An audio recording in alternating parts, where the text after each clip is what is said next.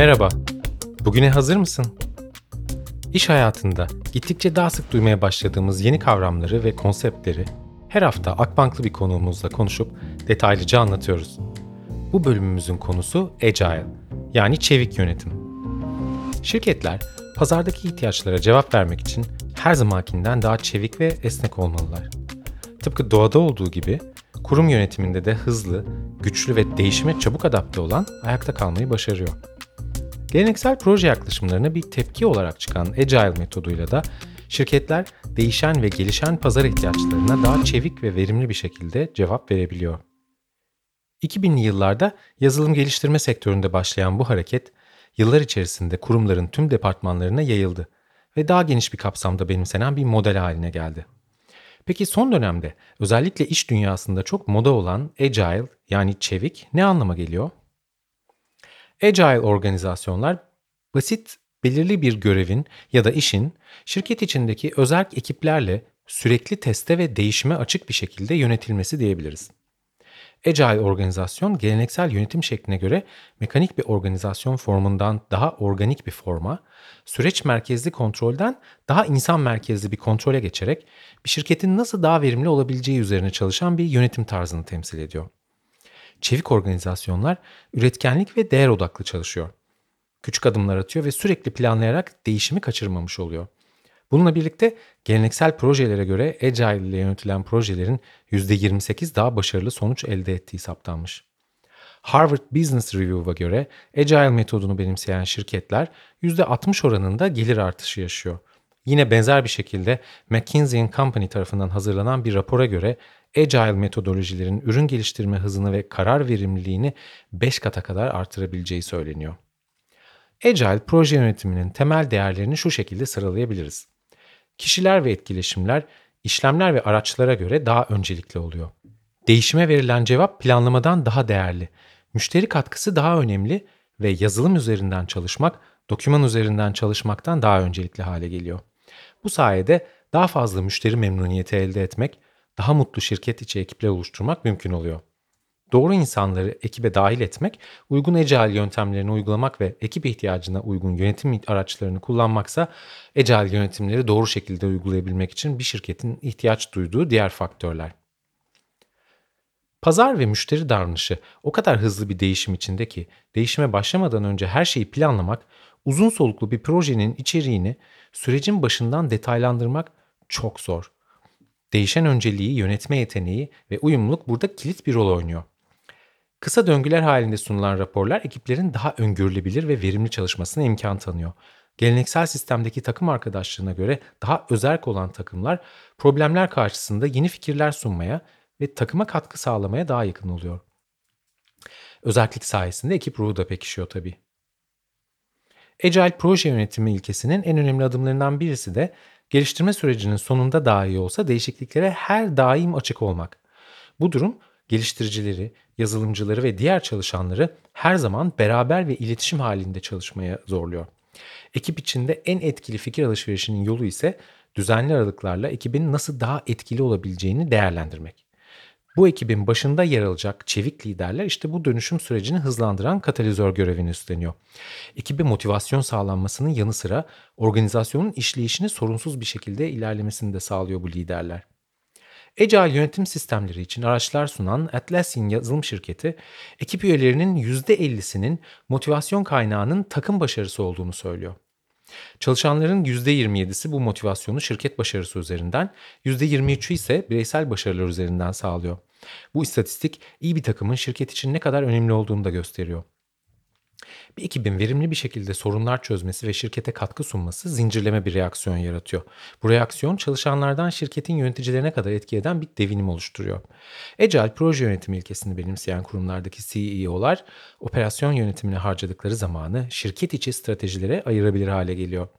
Harvard Business Review'a göre Agile organizasyona geçişin sonunda CEO'lar stratejiler üzerine önceki zamanlara göre 4 kat daha fazla zaman ayırabilir duruma geliyor. Bu sistem içerisinde yeteneğin de önemli bir unsur olduğunu eklemek gerek. Yetenekli insanların değerlendirildiği, kendilerini profesyonel olarak geliştirebildiği ve verimli bir şekilde çalışabildiği kurumlar çevik organizasyonun ayırt edici özellikleri arasında. Proje yönetiminde doğru araçları kullanmak da ekibin kendisi kadar değer taşıyor. Asana, Trello ve en popüler proje yönetim yazılımları arasında gösterilen Teamwork Projects gibi uygulamalar ekip içi iletişimin daha hızlı ve sağlıklı gerçekleşmesine yardımcı oluyor. Şimdi Agile yönetim konusunu bu alanın uzmanlarından biriyle Akbank'tan Ayşegül Arıcan Şeker'le konuşacağız. Ayşegül Hanım hoş geldiniz. Hoş bulduk Yalçın Bey. E, programımıza katıldığınız için öncelikle çok teşekkür ederim. E, Ayşegül Arıcan Şeker kimdir? Bize e, biraz kendinizden ve kariyerinizden bahsederek başlar mısınız rica etsem? Tabii Yalçın Bey. E, ODTÜ Bilgisayar Mühendisliği mezunuyum. E, ben iş hayatına yazılım mühendisi olarak başladım. Sonra kariyerim farklı bankaların teknoloji e, örgütlerinde devam etti. E, bankacılığın pek çok alanında uzun yıllardır e, uygulama geliştirme ekiplerine, dijital dönüşüm, teknoloji dönüşüm gibi çalışmalarda liderlik yapma şansım oldu. E, daha önce Akbank Teknoloji Organizasyonu'nda 4 sene çalışmıştım. 3 sene önce tekrar Akbank Teknoloji ekibine katıldım. E, şu anda teknoloji yönetişimi ve e, veri teknolojileri bölüm başkanı olarak görev yapıyorum. Çok güzel. E, peki size hemen e, şeyi sorayım ben. Agile proje yönetiminin yani işte bu çevik e, yönetimin faydaları nelerdir? E, Yalçın Bey ben birazcık e, çevik yöntemler nasıl doğdu, hangi ihtiyaçlardan ortaya çıktı, e, temelinde ne var ondan birazcık bahsetmek isterim. Harika Daha olur, iyi. çok güzel olur. Ben çok kısaca Daha... bir giriş yapmıştım, bu detayları size bıraktım zaten. Teşekkür ediyorum. E, bugünün dünyasında VUCA dünyası deniyor. Bu hani İngilizce volatile, uncertain, e, complex, ambiguous kelimelerin baş harfleri. Yani dalgalı, belirsiz, karmaşık ve muğlak dünya. Biliyorsunuz Covid süreci içindeyiz. Yani hepimiz aslında bütün bu muğlaklığı, belirsizliği çok derinden yaşıyoruz. Evet. Ee, teknoloji müthiş bir hızda gelişiyor. Yani ben işe başladığım yıllarla kıyasladığım zaman çok büyük bir fark var. Ee, kompleksite çok arttı. Bugün bir şeyler öğreniyorsunuz, yarın değişiyor. Yarın onlara adapte olmak durumunda kalıyorsunuz. Ee, dolayısıyla artık böyle her şeyi kontrol edebiliriz yanılgısından sıyrılıp öğrenmek evet. durumunda kalıyorsunuz. Doğru. Adaptasyon yeteneğini geliştirme şart hale geldi yeni dünyada. E, artık işte bu kontrolün, değişmez planların, e, değişmez şartların üzerine kurulan geleneksel yönetim tarzı çalışmaz oldu. E, siz de başlangıçta belirttiniz, e, esas çevik yöntemler bu belirsizliğe yanıt olarak yazılım endüstrisinde ortaya çıktı. Hı hı. E, 2001 yılında 17 yazılım geliştirme gurusu bir e, bildiri yayınladı. E, Agile Manifesto e, adı altında. E, siz de belirttiniz bunun içinde hı hı. neler olduğunu. Tabii yazılım endüstrisinde olmakla birlikte e, artık tüm sektörlerin yeni dünya düzenine uyum sağ, e, sağlamak zorunda. E, hatta buna change or die, değiş ya da öl de denebiliyor. Evet, evet. Acı ama gerçek. evet, böyle. Dolayısıyla bu tüm sektörler için artık yeni yönetim paradigması haline geldi diyebiliriz. Hani nedir temeli? İşlerin daha küçük parçalara bölündüğü, hani böyle devasa büyük işler yerine e, müşteri yaratacağı değere göre önceliklendirildiği, yani iteratif bir şekilde devreye alındığı, hiyerarşi yerine e, otonom küçük takımların bir organik ağ şeklinde çalıştığı bir yaklaşımın e, genel e, adı oldu. E, esasında bu bir yeni yönetim paradigması dedik. E, bu mevcut geleneksel pratiklerin üzerine uygulanacak iyileştirmeler gibi düşünmemek lazım. Aslında fundamental, kökten farklı bir bakış açısı getirdiğini söyleyebilirim. Bazen daha yüzeysel işte çeviklik hızla çok e, eşleşiyor ve sadece Doğru hız, evet. Öyle zannediyoruz. Hızlı üretim gibi e, algılanabiliyor. E, yani esasında daha hızlı çalışmaktan öte daha akıllı yani çalışmak, çok işi az yama, zamanda yapmaktan öte doğru işlere odaklanıp sürekli değer üretme ve en temeli de aslında gücü işi yapanlara vererek e, değişime sürekli yanıt verme üzerine kurulu bir sistematik e, hatta bu öğrenmeyi, e, çevikliği öğrenmeyi tamamen ayrı grameri olan yepyeni bir dili öğrenmeye benzetiyorlar. Hı hı. E, bunun için de e, geleneksel e, liderlik tecrübesini bir kenara bırakmamız gerekiyor. Ben Star Wars filmlerini çok severim. Biliyorsunuzdur siz de. Yoda'nın meşhur You must unlearn what you have learned. Yani evet. bir şey öğrenmeniz için e, eskisini unutmanız gerekiyor. E, açıkçası ben e, çevikliği de böyle düşünüyorum. Yani yeni bir bakış açısıyla tıpkı bir kas hafızası gibi e, özümsenmesi gerekiyor. Çok güzel. Peki geleneksel yönetim modellerine göre e, nasıl avantajlar sunuyor e, çevik yöntemler?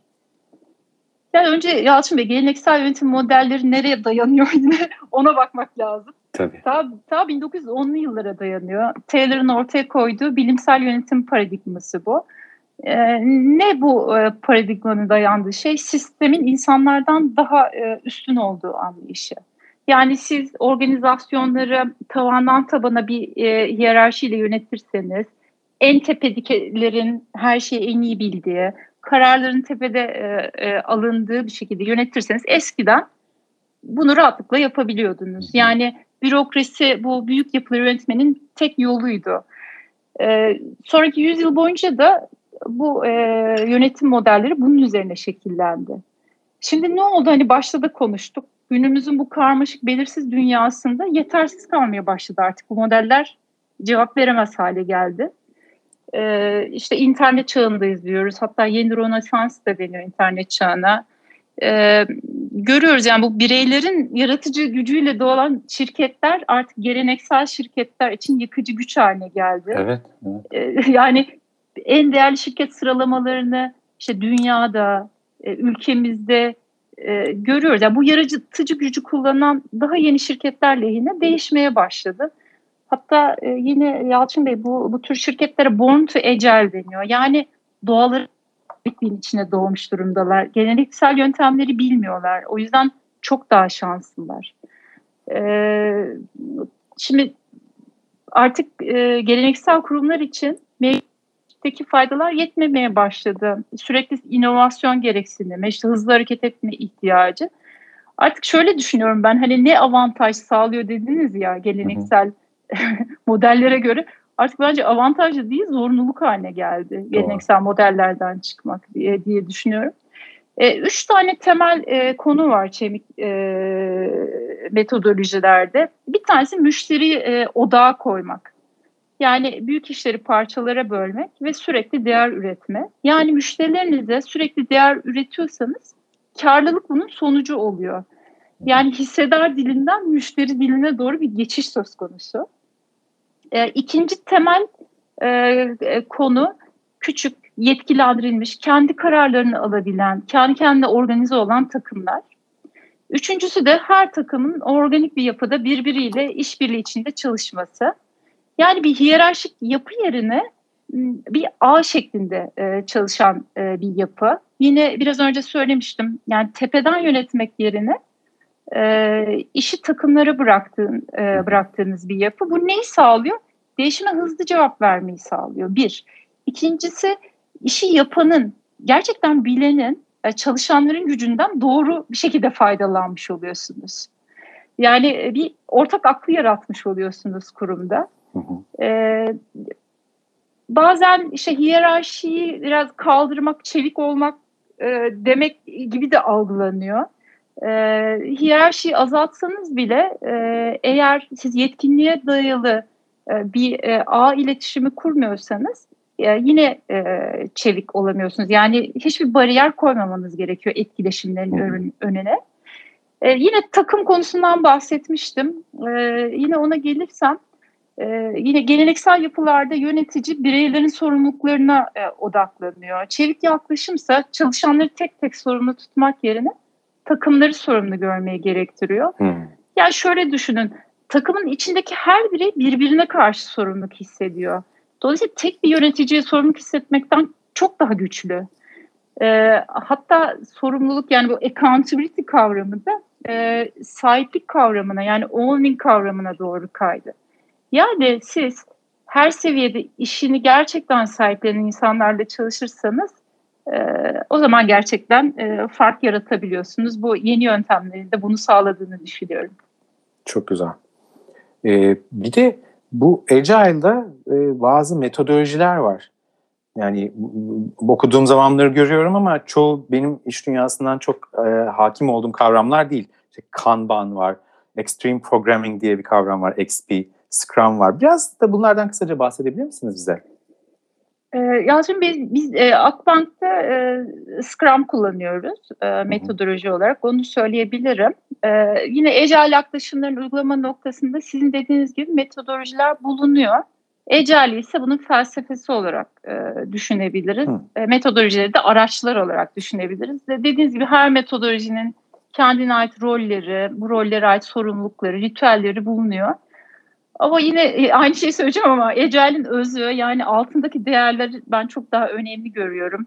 Yani mesela güvenin olmadığı, çalışanların güçlendirilmediği bir kurumda gerçekten çeviklik olamaz. Sadece hani e, Scrum uyguluyorum dersiniz, işte Kanban uyguluyorum dersiniz, XP uyguluyorum dersiniz. E, esasında bu metodolojiler nispeten yeni gibi görünse de temelini oluşturan pek çok fikir bu e, Toyota'nın yalın üretim metodlarına ve Kaizen e, kültürüne dayanıyor. Hı hı. E, Kaizen ne? Bir Japonca kelime daha iyiye doğru değişim ve sürekli iyileştirme anlamına geliyor. E, ve sürekli iyileşme için takım üyelerinin kendilerinin ilme kazanmalarına neyin engel olduğunun farkında olmaları çok önemli. Buna işte israf da deniyor. Yani israfı ve engelin farkına varmanız gerekiyor. Liderler olarak da e, bu e, engelleri kaldırmanız gerekiyor. E, belirttiğim gibi Agile yaklaşımın özünde sürekli gelişim var. E, bu doğrultuda bir metodolojiye körü körüne bağlı kalarak uygulamaya çalışma Agile'in ruhuna aykırı. Yani ben Scrum yapıyorum, her ritüelini %100 aynı uygulayacağım diye bir şey yok.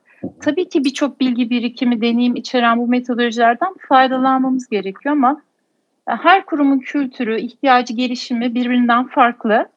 E, dolayısıyla standart bir çeviklik şablonu yerine e, kurumunuza en uygun olanı bulup birazcık terzi dikimi gibi giydirmek durumundasınız. Hatta bir kere dikmeniz de yetmiyor. Hem kurumunuzda hı hı. hem sektörde, işte dünyada da sürekli değişim var. Dolayısıyla sürekli iyileştirme ve e, dönüşüm içermesi gerekiyor. Yani şey çok önemli dediğim gibi körü körüne bir metodolojiye bağlı kalmamak, e, kurumunuza uyarlamak ve e, sürekli geliştirmek e, çok önemli. Gerçekten çevik olan kurumlar çeviklik kavramını bile kullanmıyorlar. Yani hmm. değil metodoloji isimlerin onu söyleyebilirim. Tabii doğru söylüyorsunuz. Bir de çalışanların içselleştirmesi çok önemli galiba. Gerçekten öyle. Yani bir özde çeviklik olması gerekiyor. Sözde ee, değil. Tam bu noktada o zaman ben e, Akbank'a gelmek istiyorum. E, Akbank'ın Agile'da bakış açısı nasıl? E, sizin şirketteki organizasyon yapınız e, Agile yöntemlere e, sizce ne kadar hazır? Ben Yalçın Bey izin verirseniz e, birazcık Akbank teknolojinin çevik yolculuğundan bahsetmek isterim. Tabii ki. 2013 yılı öncesinde çeşitli pilot çalışmalar yapılmıştı. hatta benim Akbank'ta çalıştığım ilk dönemlerde başlamıştı bu çalışmalar. 2013'ten itibaren çok daha büyük projelerde denemeler yapılıp iyi sonuçlar alındı. Ve tüm teknoloji örgütünü yaygınlaştırmaya karar verildi. 2016 yılının ortalarında tüm uygulama geliştirme takımlarımız çevik yaklaşımlarla çalışmaya başladılar.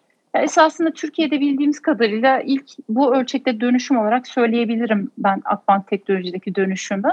Şu anda sayısı 160'ı bulan e, uygulama geliştirme takımımız çevik yaklaşımda çalışıyorlar. Tabii bu sadece takım seviyesinde yapılan bir dönüşüm değil. Rollerden hiyerarşiye, performans yönetiminden süreçlere e, tüm yönetim modelimizde buna uygun değiştirdik ve yalınlaştırdık e, diyebilirim.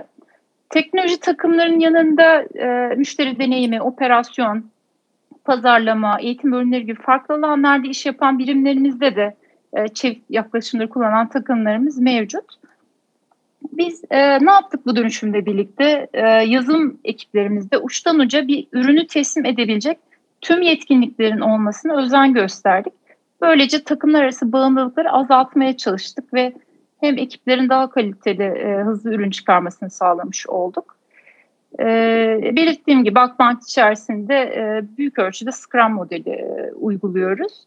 Aynı zamanda e, Agile takımlarımızın yetkinliklerinin gelişmesi için destek olan merkezi takımlarımız da var. E, bir tanesi Agile dönüşme liderlik eden ve e, takımların Agile yetkinlikleri kazanmasını, e, var olan yetkinliklerin artmasını sağlayan Agile Studio ekibimiz. Hmm. E, Agile koçlarımız var bu e, ekibin içinde. E, organizasyonun çevik kaslarını sürekli güçlendirme misyonları var. Hani bir anlamda geleneksel pratikleri kaymayı engellemek ve bizi sürekli doğru yönetim çerçevesinde tutma sorumlulukları var. Hem takımları destekliyorlar hem de aslında biz liderleri de destekliyorlar. Ee, bazen bize de dur diyorlar hani bu şey uygun değil lider olarak yaptı.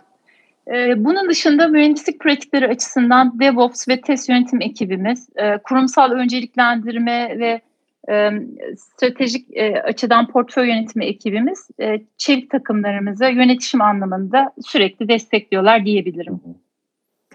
E, bu noktada da şeyi merak ediyorum şimdi şirket içerisinde bunu gayet güzel yönetebildiğiniz biraz anladım.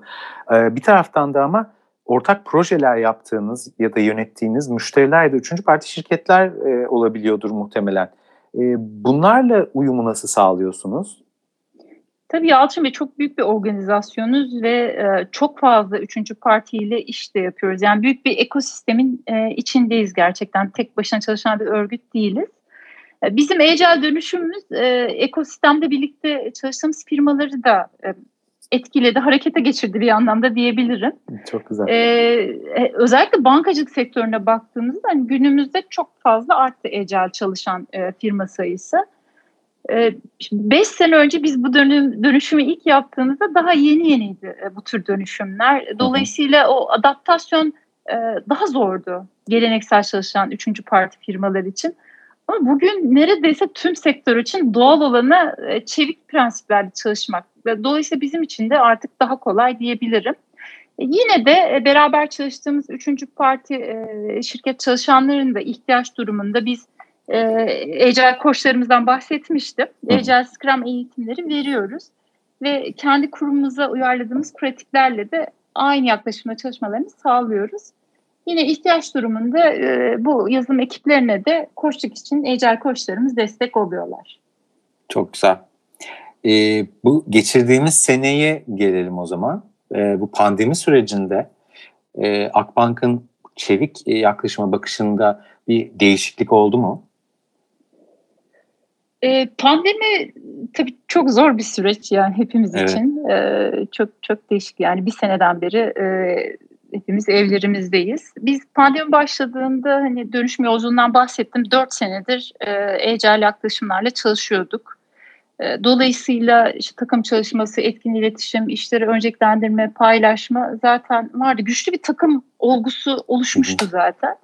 Bu bize e, pandemi sürecinde çok hızlı bir adaptasyon şansı sağladı. Yani birçok firma uzaktan çalışmayı nasıl kurgulayacağını düşünürken e, biz hem altyapımız hem agile takımlarımızla çok hızlı bir şekilde adapte olduk diyebilirim. E, pandemi neyi değiştirdi? İletişim kanalları değişti. Hepimizde olduğu gibi daha önce işte fizikselde yüz yüze yaptığımız ritüelleri artık dijital ortamda yapıyoruz.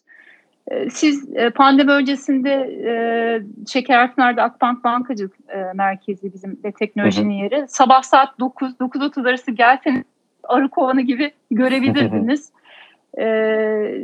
bir ses, günü planlayan, dün ne yaptığını takım arkadaşına anlatan, yardıma ihtiyacı varsa bunu belirt etmek için bir araya gelen 160 takımın sesiydi diyebilirim. Şimdi artık dijital ortamlarda bu ses. Yine her gün her sabah takımlar bir araya giriyor. Günlük işlerini planlıyor. Engelleri varsa bunları tartışıyorlar. E, ayrıca e, yine bu Scrum ritüelleriyle beraber gelen iki haftada bir e, yaptığımız takım bazında planlama toplantılarımızı yine dijital ortamda yapmaya devam ediyoruz. Ee, böylece takımlar kendi kendilerine organize olarak işleri nasıl yapılacaklarını konuşarak şeffaf bir ortamda iki haftalık planlarını oluşturuyorlar. Ardından iki haftanın sonunda müşterilerin, paydaşların dahil olduğu gözden geçirme toplantıları yapılıyor. Ürün çıktıları konuşuluyor. Müşterilerden geri bildirim alınıyor. Yani belirttiğim gibi daha önce pandemiden önce fiziksel ortamda yaparken tek farkımız dijital ortamdan e, yapmamız. E, bu çalışma işin e, çalışma tarafı. Müşterilerimiz açısından bakarsak hizmetlerimizi yine pandemi döneminden çok önce 2016-2019 döneminde yeni satış servis ve şube modeli dönüşüm çalışmalarını e, tamamlamıştık. E, hmm, bu, bu kapsamda müşterilerimize mekan bağımlılığı olmayacak şekilde mümkün olduğunca sade, dijital, kağıtsız süreçlerle hizmet vermek üzere pek çok süreç ve teknoloji altyapı dönüşüm çalışmalarını hayata geçirmiştik. Pandemiyle birlikte tabii bu çalışmaların bize sağladığı büyük bir birikim oldu. e, hazır altyapı oldu. Dolayısıyla çok kısa bir sürede önemli ölçüde hizmet kalitesinden ödün vermeden şube çalışanlarımız uzaktan hizmet verebilir noktaya ulaştı. Yani bugünkü durumumuza baktığımız zaman şubelerimizde yapılan müşterili işlemlerin yaklaşık %90'ı uzaktan yapılabilir durumda. Ee, tabii e, benzer şekilde müşterilerimizin bizzat kendilerinin işlem yaptığı mobil, internet ve ATM gibi kanallarımızda yapılan işlemlerin payı toplam işlem hacmi içinde %90'ların üzerine çıktı. Hatta görüntüleme işlemleri dahil edersek dijital kanallarımızın payı %98'e kadar çıktı diyebilirim. Ee, son olarak şunu söyleyeyim. Yani 5 sene önce başladığımız bu çevik dönüşüm, dijitalleşme yatırımlarımız e, pandemi dönemine nispeten kolay, e, daha doğal bir adaptasyon sağladı. Yarın bize ne getirecek bilmiyoruz. İnşallah bu süreçten e, hep birlikte sağlıklı çıkabiliriz. Ama yani kurumların bu esnek, sürekli adaptasyon yeteneğini sağlayan yönetim modellerine ihtiyacının ben artarak devam edeceğini düşünüyorum. Yalçın. Evet kesinlikle yani pandemi öncesinde e, Agile'dan bahsetmeyle şu anda Agile'dan bahsetme arasında çok büyük bir fark var. Onu çok net anladım söylediklerinizden. E, Ayşegül Hanım çok teşekkür ederim bu güzel bilgileri bizimle paylaştığınız için. E, gayet e, doyurucu oldu ve çok e, kısa bir süre içerisinde örnekleriyle de beraber e, Agile'ın ne olduğunu e, bize ve Akbank'ta nasıl kullanıldığını e, tarif etmiş oldunuz. E, katıldığınız için çok teşekkür ederiz podcast'imize. Yasin Bey ben de bu fırsatı verdiğiniz için çok teşekkür ediyorum. İyi günler. İyi günler, hoşçakalın.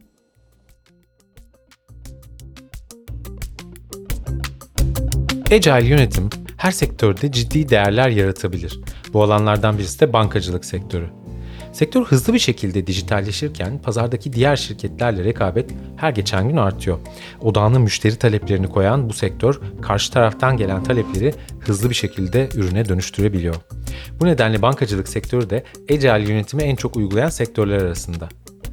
Yöneticiler kurum içinde ileriye dönük düşünürken sadece günü kurtaracak çözümlere değil, operasyonel değişikliklere ve kalıcı çözümlere de açık olmalılar. Pandemi döneminde Agile organizasyonu benimseyen bankaların rakiplerine göre pazarda iki kat daha hızlı performans göstermesi bu durumun bir örneği olarak gösterilebilir. Böylece bu bölümün de sonuna geldik. Bir başka Bugüne Hazır mısın podcast'imizde yeniden bir arada olmak üzere. Hoşçakalın.